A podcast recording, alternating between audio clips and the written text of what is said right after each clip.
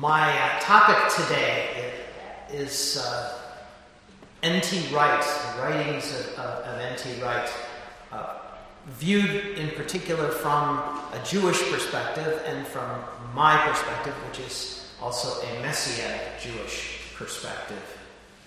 I have been reading N.T. Wright for, uh, for at least uh, 10 or 15 years, if not 20 years. Uh, he has uh, been a continuous source of instruction, inspiration, uh, and occasional frustration. Uh, and uh, but that's I think the nature of uh, of any powerful thinker. And uh, N.T. Wright is clearly one of the most powerful thinkers, from my view, uh, that is on the, the Christian theological scene today. I think he's a very important thinker, uh, and and so uh, it's it's an honor for me to engage in a conversation uh, with him at this time.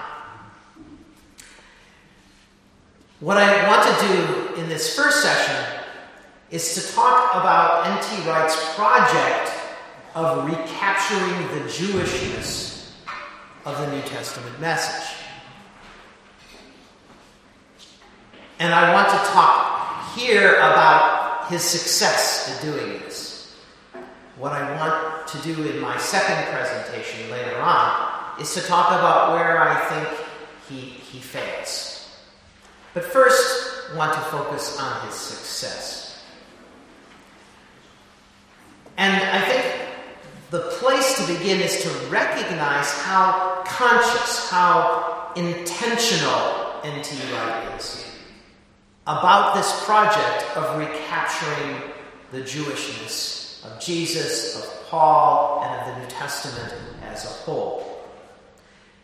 He, he critiques the history of Christian New Testament scholarship for its failure to appreciate the Jewishness of Jesus and of Paul particularly classic forms of New Testament scholarship.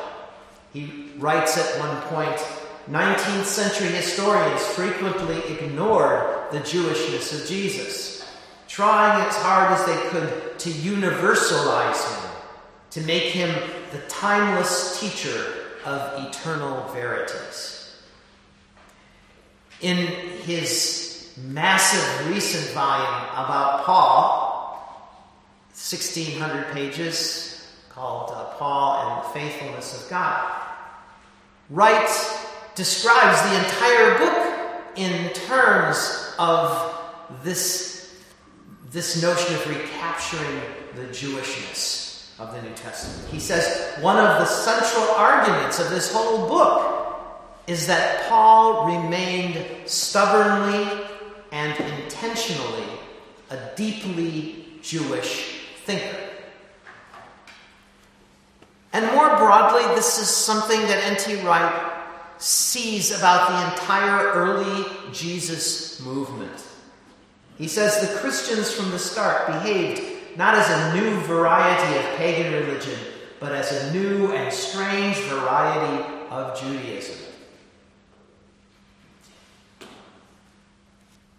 So N.T. Wright is attempting to rethink think the New Testament in Jewish terms.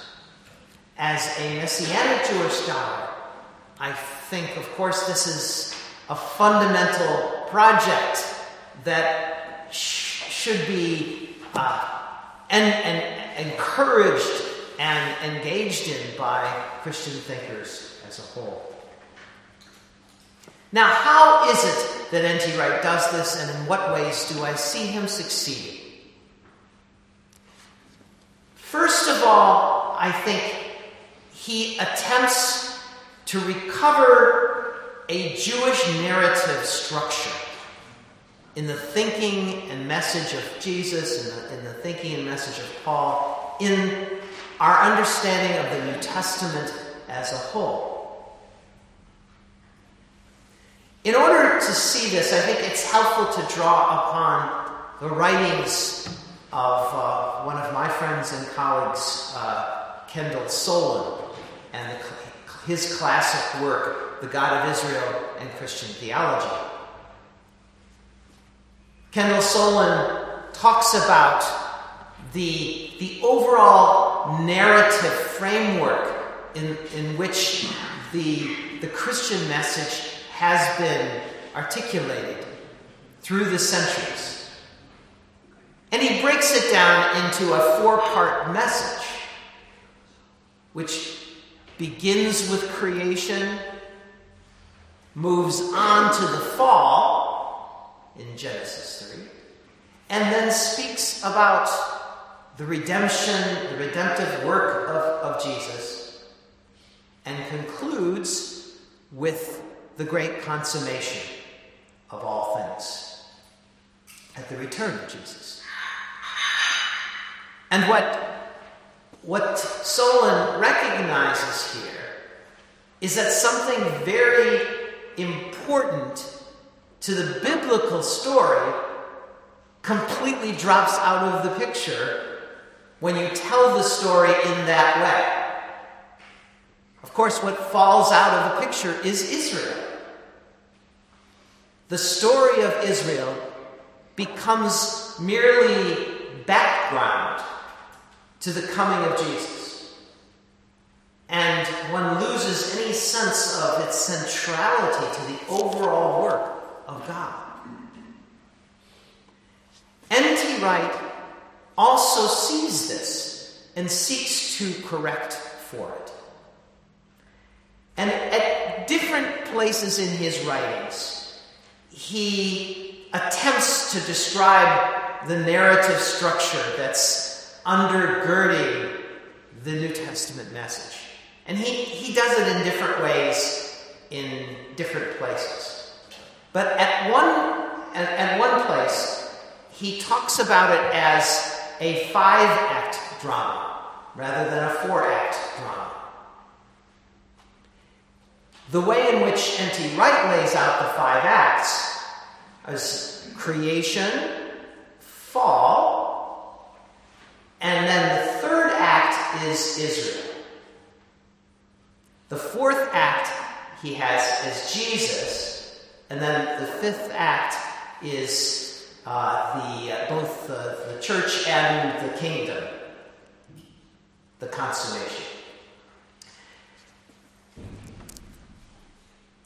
What N.T. Wright is really doing here is taking the, the basic type of framework that we see articulated by Kendall Soulen, which is really simply a summary of the of Christian, the traditional way in which Christians have told the message but adding to it and placing in a very in a very central place the people of Israel. And then the way in which N.T. Wright tells the story of Jesus is almost completely in relationship to the story of Israel. It's not merely that he, he is making Israel central to the story, he makes Israel absolutely central to his Christology. And I think this is uh, a, a, a, a, crucial uh, step that he takes, and one which I highly commend. This has striking consequences in the way, for example, that Jesus' saving work is conceived. Now, first of all, in terms of his Christology, N.T. Wright emphasizes, underlines the messiahship of Jesus.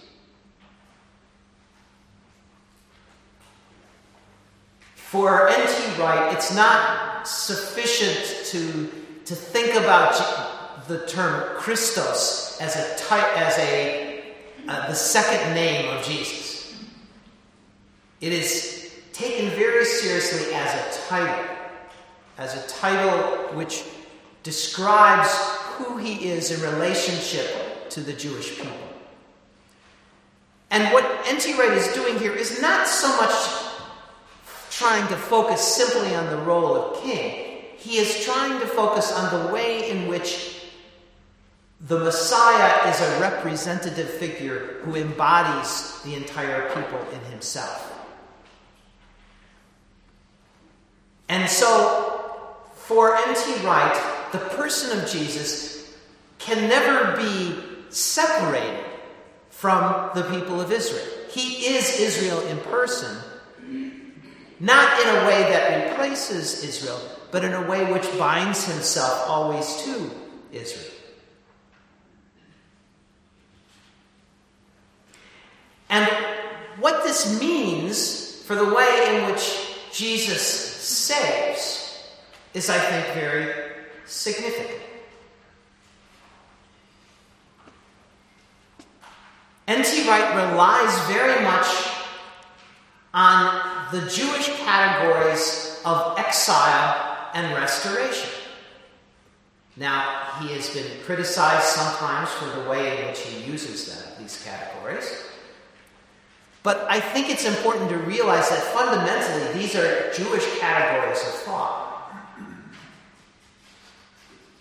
And N.T. Wright points out that the that death and resurrection are initially in the prophets metaphors that refer to exile and restoration.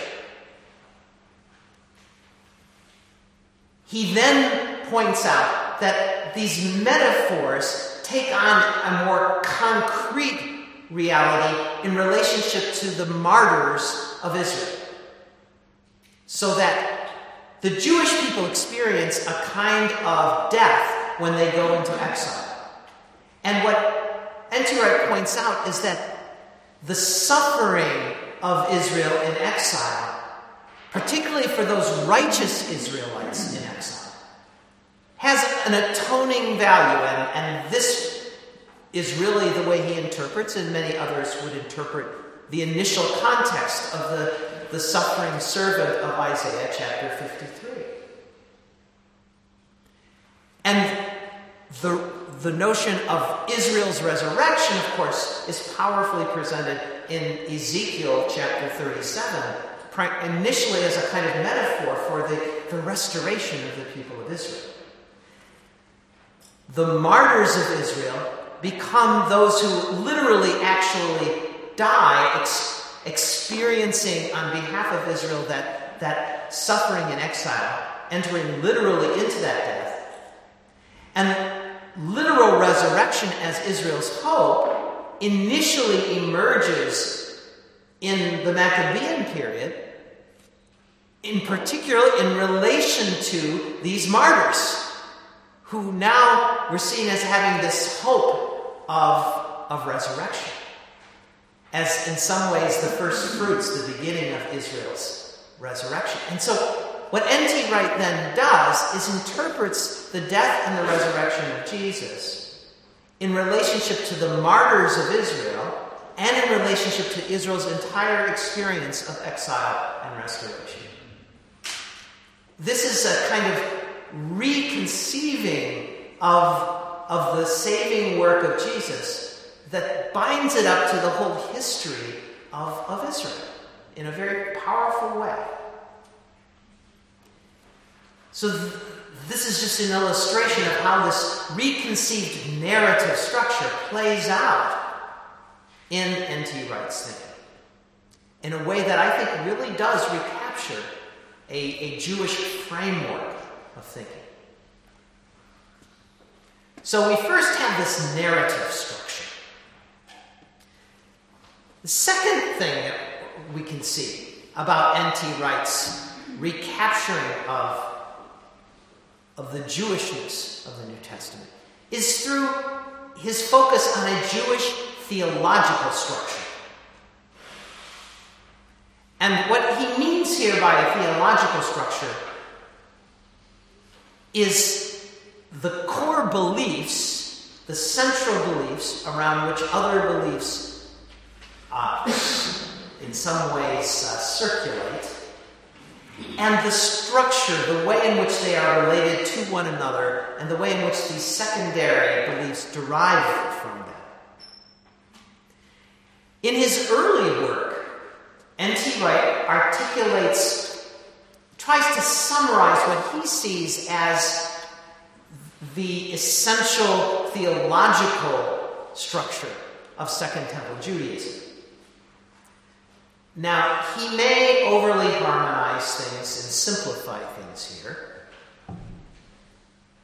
But what he is uh, trying to do is to lay out what he sees, at least as a, as a set of the, the most common themes that are central to Jewish thought of this period. And he's doing it all with really the New Testament in view, uh, in terms of where he is headed, where he is going. And so N.T. Wright identifies three core beliefs of Second Temple Judaism. And these three beliefs, I would say, also are central to later Jewish thought as well. The three beliefs are monotheism, election, the election of Israel, and eschatology, God's purposes for the world and for Israel. Monotheism, election, and eschatology. After describing how these function within Jewish writings as a whole, he then employs these categories as his basic theological categories for understanding the New Testament, for understanding Jesus, for understanding Paul, for understanding the early Jesus community and movement as a whole.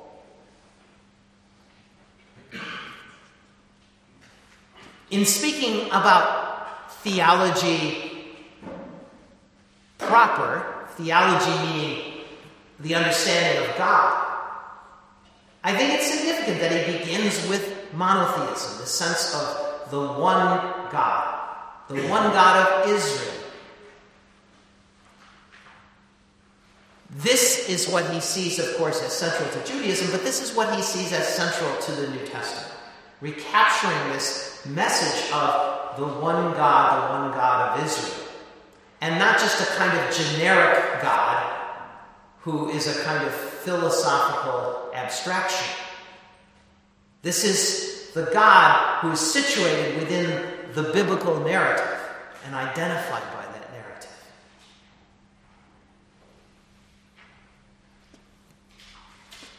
And then moving on to election, what election focuses on, of course, is the corporate reality of Israel. The one God has this one people that he, that, that he calls into existence to bear witness to, to the God of Israel in the world, to fulfill God's purpose within the world.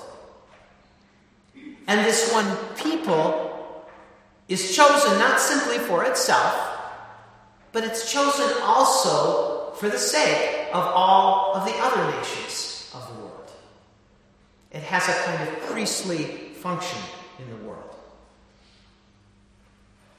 And then that priestly function is reflected in eschatology. This concern that the one God has to work through the one people for the sake of the healing and redemption and restoration, the setting right of all things, of all of creation. And here the focus on eschatology in particular is focused, has a kind of cosmic scope. It's focused on the creation as a whole. It's, it's an, not an eschatology of individuals who are being saved and, uh, and going to heaven. It's an eschatology of a renewed creation.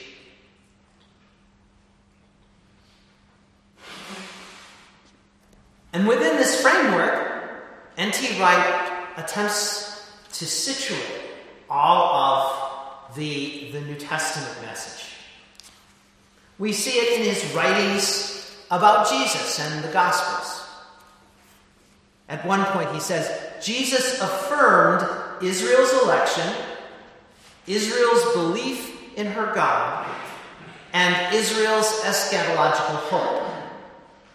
But this status, meaning Israel's election, this theology, namely this confession of monotheism, and this aspiration, this eschatological hope, were to be redefined around a new set of symbols. I'll talk more about the uh, N.T. Wright's discussions of symbols uh, in my second presentation. And then, in talking about Paul, in his most recent work, he says, When therefore we allow Paul's native Jewish world to set the theological agenda, we see the three major points of what might be called Jewish theology. Substantially reinterpreted, reworked around the Messiah and the Spirit. The three categories are monotheism, election, and eschatology. One God, one people of God, one future for God's world.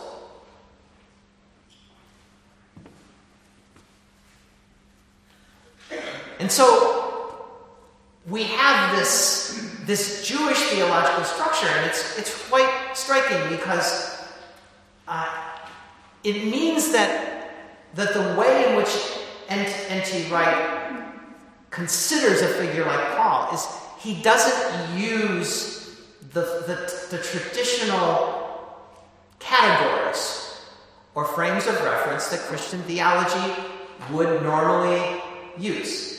In particular, he doesn't focus so much on this category of soteriology. And he's been criticized for this, uh, but he rather boldly uh, defends his own position.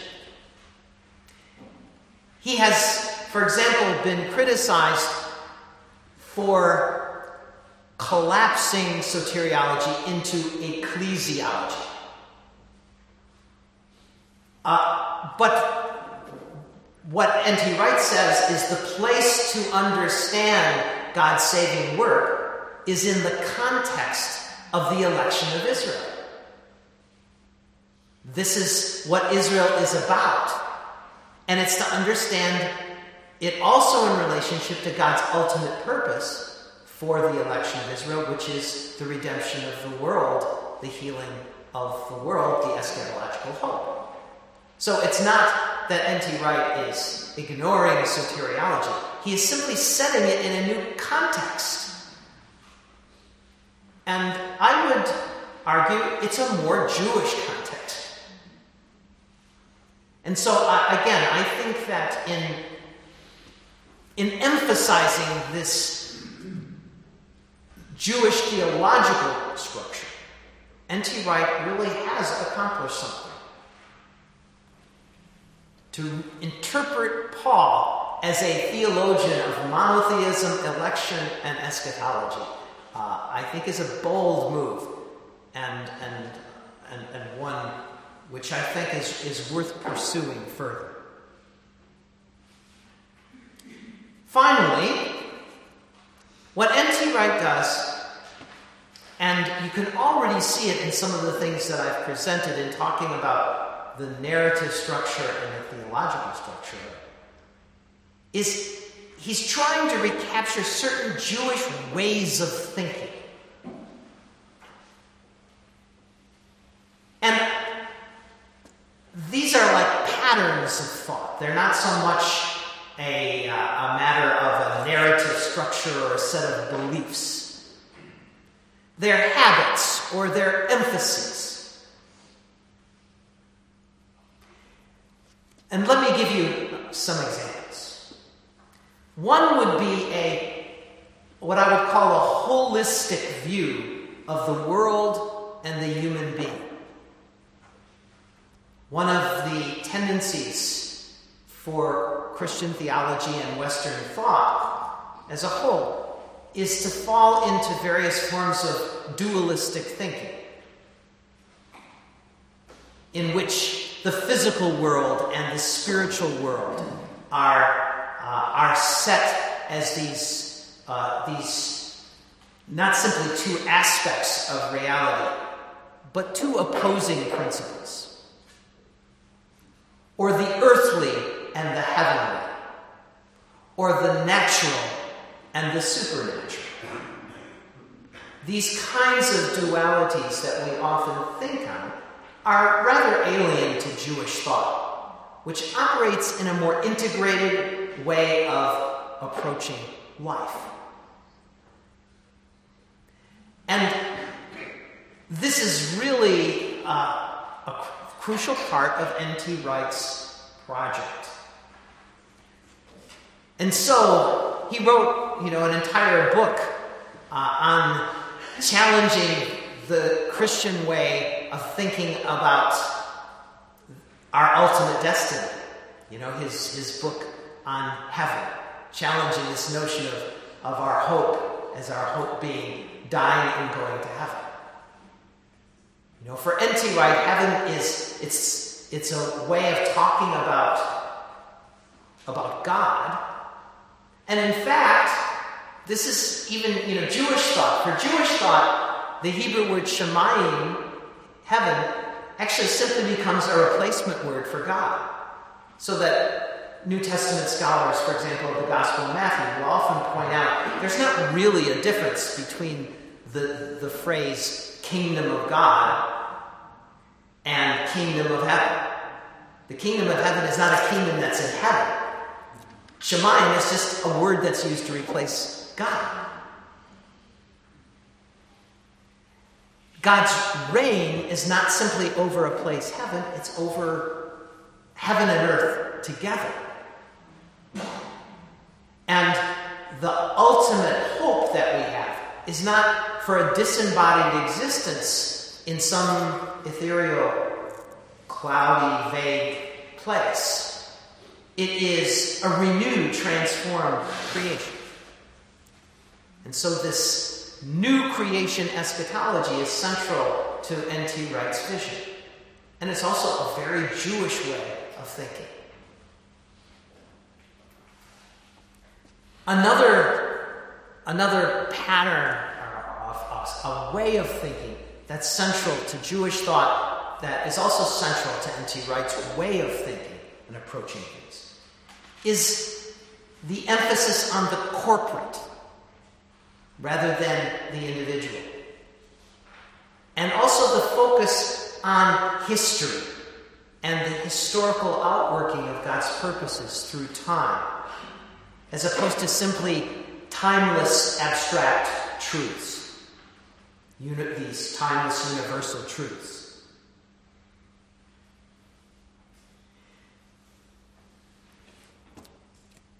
This is seen in really rather stark ways in N.T. Wright's treatment of the Gospels in the New Testament. In the Gospels, when, when N.T. Wright talks about Jesus' proclamation of the forgiveness of sins,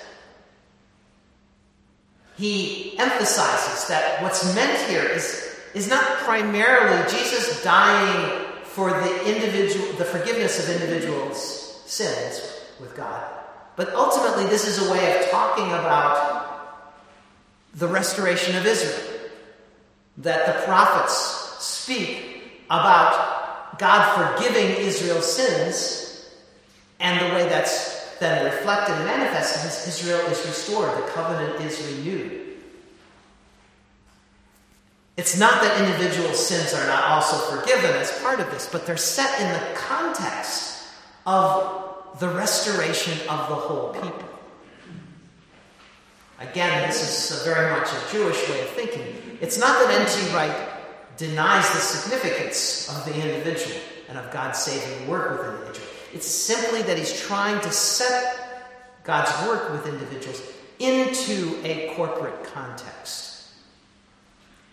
And he's also trying to set it within a historical context of God's, the outworking of God's purposes for Israel, such that you can't understand what God is doing in Jesus unless you've set it within the entire biblical story the story of Israel. This is uh, where we saw in this that earlier quote where he criticized uh, interpretations of Jesus that saw him simply as a teacher of timeless truths, as opposed to someone whose teaching had to be situated within the particular history of the people of Israel and its future hopes. Well, there's a lot more that could be said on all of these points. Uh, but I would just, uh, I would just want to conclude again by emphasizing I think that the project that N.T. Wright has set is a very important project, namely recovering these Jewish perspectives.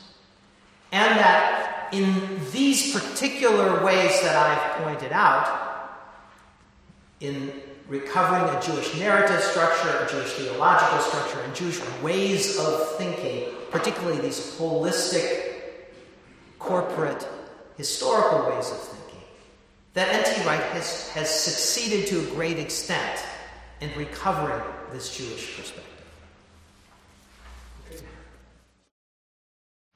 Tom Wright also emphasizes that uh, he speaks about identity markers like uh, the Sabbath, the circumcisions, and food. Um, how do you think about that? Were that in that time identity markers, or maybe not speak about that, about uh, identity markers? Uh, how we see that? Yes. Uh, I will. Uh, I'll talk a little bit more about this this afternoon because this is uh, getting into the territory where I disagree yeah. with uh, with N.T. Wright's treatment. Uh, but um, he sets these identity markers within the context of his this notion of symbol, uh, and uh, you noticed even in some of the quotes that that I gave to you uh, he, he talks about Paul uh, continuing to think using these fundamental categories of monotheism, election, and Israel, but then redefining the symbols in, w- in, in which uh, these categories are expressed. Uh, and uh, when, when he speaks about uh, these fundamental Jewish symbols, he identifies four that are of particular importance the, the temple, the land, the Torah, uh, and, uh, and then Jewish ethnicity or the, the people of, of, of the Jewish people as a whole themselves. Uh, and uh, in and then part of what he does is, to, is argues that these four symbols are dramatically transformed and changed in the teaching of Jesus and in the teaching of Paul and the New Testament as a whole. And, uh, and so that's where I'm going to be departing from N.T. Wright. And I'll, so I'll say a little bit more about that later on. And then um, if I don't touch specifically on, on those, the, identity markers, well, we could also discuss it more in the, in the questions.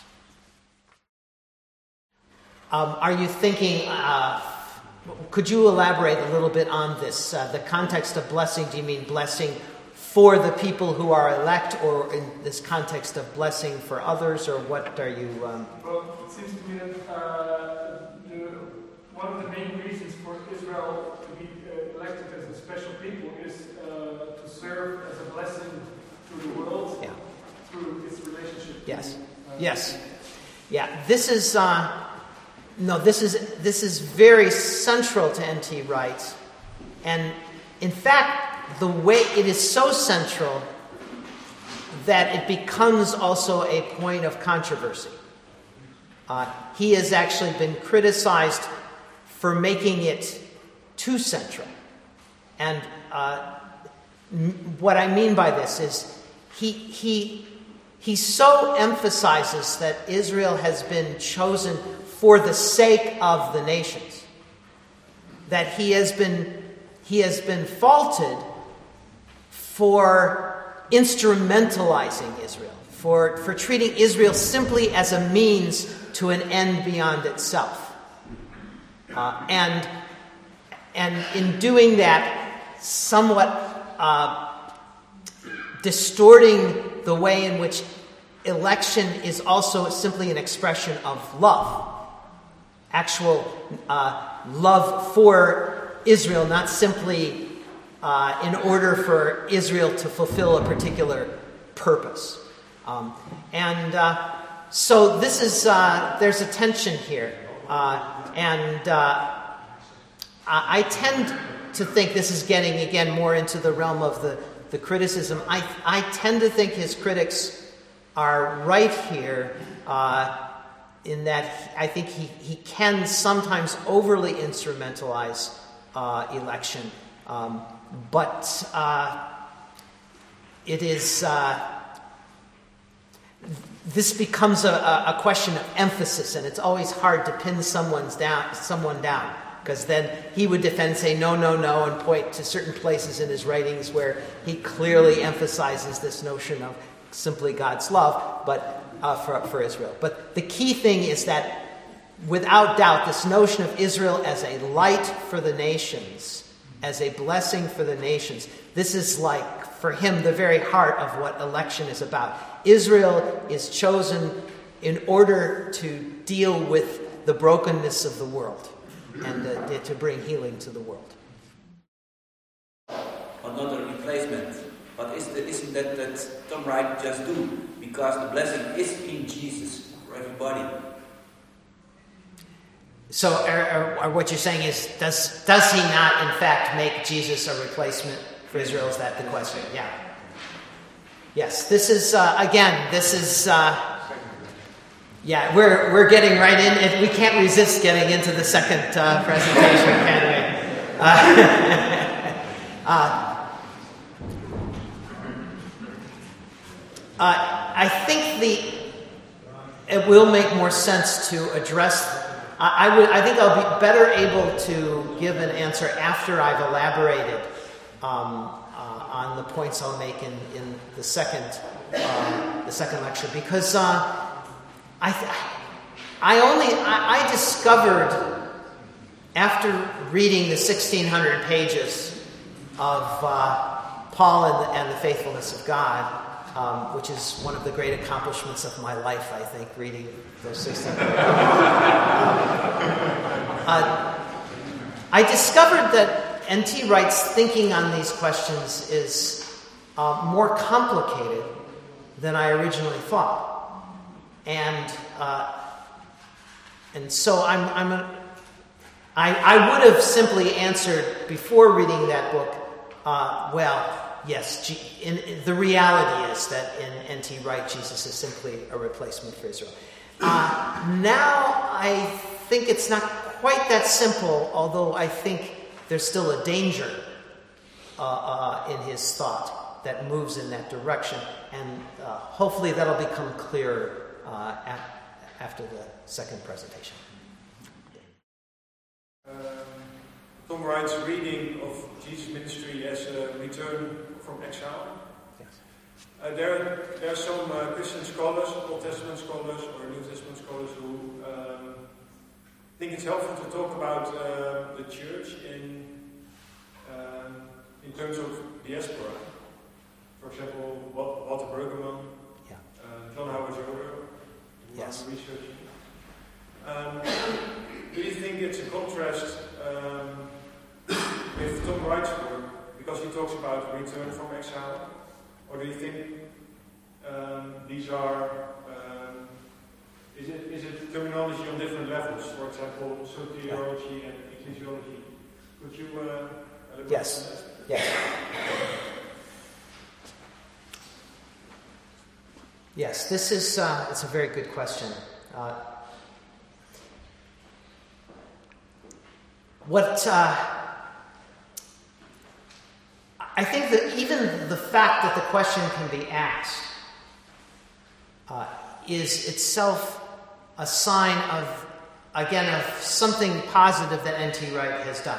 Because what he's doing is he's, he's moving Christian thought in a Jewish, into these Jewish categories. And then, in a sense, the debate becomes one that's functioning within these categories of how do we conceive then of, of, of exile and restoration and where are we in God's clock, you know, in relationship to these. Um, now, uh, N.T. Wright has been another way in which he's been criticized. As uh, he has been criticized as overly emphasizing a kind of realized eschatology in uh, in in emph- his emphasis on Jesus' work is that Jesus, in his resurrection, has in fact already restored Israel. And that the, church ultimately is this manifestation or participation in the restoration of Israel. But uh, then this does raise, raise some problems. Uh, and the kind of critique that, that you're referring to, Daniel, is one in which there is a tendency to have an overly triumphalist vision of what the church is. And you lose the sense that exile actually still continues. And I, I think this is a, a just critique, again, of N.T. Wright. It's one which is not, which is somewhat independent of this of the issues I'm, I'm focusing on today, although it, it, it also is, is related. Uh, let me give you a, an illustration from a, uh, a, New Testament text uh, where I think that uh, where N.T. Wright has actually ignored something important. We have a parable that uh, Jesus tells. Well, it's not really a parable. Jesus is responding to his critics, who are particularly Pharisaic critics, who are angry with him because he is eating with sinners and tax collectors. And so Jesus' response is the those Will the, uh, the friends of the bridegroom, those who are in the presence of the bridegroom, are they going to be mourning right now in the presence of the bridegroom? Are they going to be celebrating? He's, this is also in the context of him being criticized for not fasting, like the disciples of, of John the Baptist. And so N.T. Wright looks at this text and he sets it within, I think, again, a very helpful Jewish context. Uh, the Jewish context is one of the Jewish pattern of fasting twice a week that emerges particularly in, in the exilic period, in which the fasts are expressions of mourning for Israel's being in exile and a prayer for restoration, for Israel's future restoration. And so, what, what N.T. Wright then says is Jesus now has come to restore Israel, and therefore, uh, this is not the time to fast. And he then sees that as a sign again that what Jesus has done in his death and resurrection is simply restored Israel. What he ignores, of course, then is the way the text goes on to say that the fact that, that when the bridegroom is gone, the disciples will fast and will mourn. Uh, and which points to the fact that uh, there's this special period, yes, while Jesus is present. Uh, and yet, after the, the death and resurrection of Jesus, of course, the church continues to fast and continues to have the sense that it, there, there's at least an aspect of, of exile or galut or of di- diaspora, which, uh, which remains as a very important category. So, again, I, I tend uh, to agree with those critics who, uh, who fault N.T. here. Uh, but again, when I, I want to underline what I said at the very beginning of my response, I, I think that the, the very fact that this kind of discussion could, this type of debate could even take place, comes because through a recovery of Jewish categories. So, so I see it as, as part of his success, even as I think uh, it's also a sign of where uh, there's something uh, a little bit askew. No, I haven't read all the 16 preachers. Maybe you can help me. If N.T. Wright also said something about James' perspective. Has he been able to reconcile Paul with James and his community and his Jewish believers that came after him? Not even to speak two centuries later about the Ebionites, the pseudo-Clementines, who had been um, almost an enemy, whereas Paul was enemy. Does N.T. Wright also address this topic? Yes. Well, uh, it, it, certainly doesn't come up, of course, in his magnum opus, this, these four volumes that have been written so far, in where it, which have focused on the synoptic gospels and on Paul, and then have, have touched on uh, other uh, writings of the New Testament as they've had a bearing, in particular, on, uh, on resurrection. Uh, and because N.T. Wright has written so voluminously, uh, I am sure he has written about James. Uh, I have only seen some of what he's written through te- places where he's writing on the book of Acts and where he's dealing with James as a figure within the book of Acts. Uh, and but this again leads us in more into the realm of uh, where uh, of points of disagreement that I would have with N.T. Wright. I think N.T. Wright would would would would think that James, uh, well, the overall position that, that N.T. Wright takes is that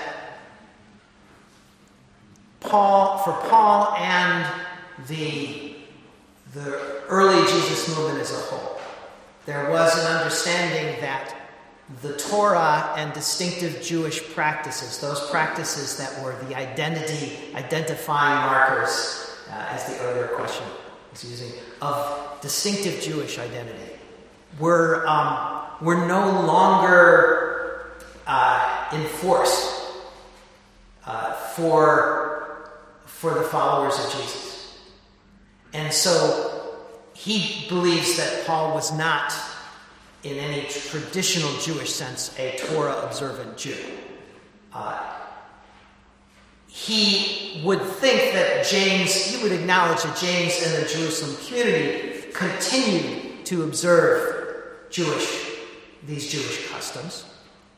But he would, uh, I think, hold something similar to a traditional Christian way of understanding which was is that they did that for missionary purposes. You know, like this was their culture. They were they were permitted to do these things, and clearly, if they were going to be effective in bearing witness to Jesus in the midst of the Jewish people, they were they would have to continue to live this way, uh, and it was appropriate for them to do so. But that it was not something that was incumbent upon them as a covenantal obligation, as something that was a commandment of God, that because they were Israel, because they were Jews, they were supposed they, they were obligated to continue to uh, circumcise their sons and, and, and maintain the Jewish dietary laws and observe Shabbat and the holidays, um, etc.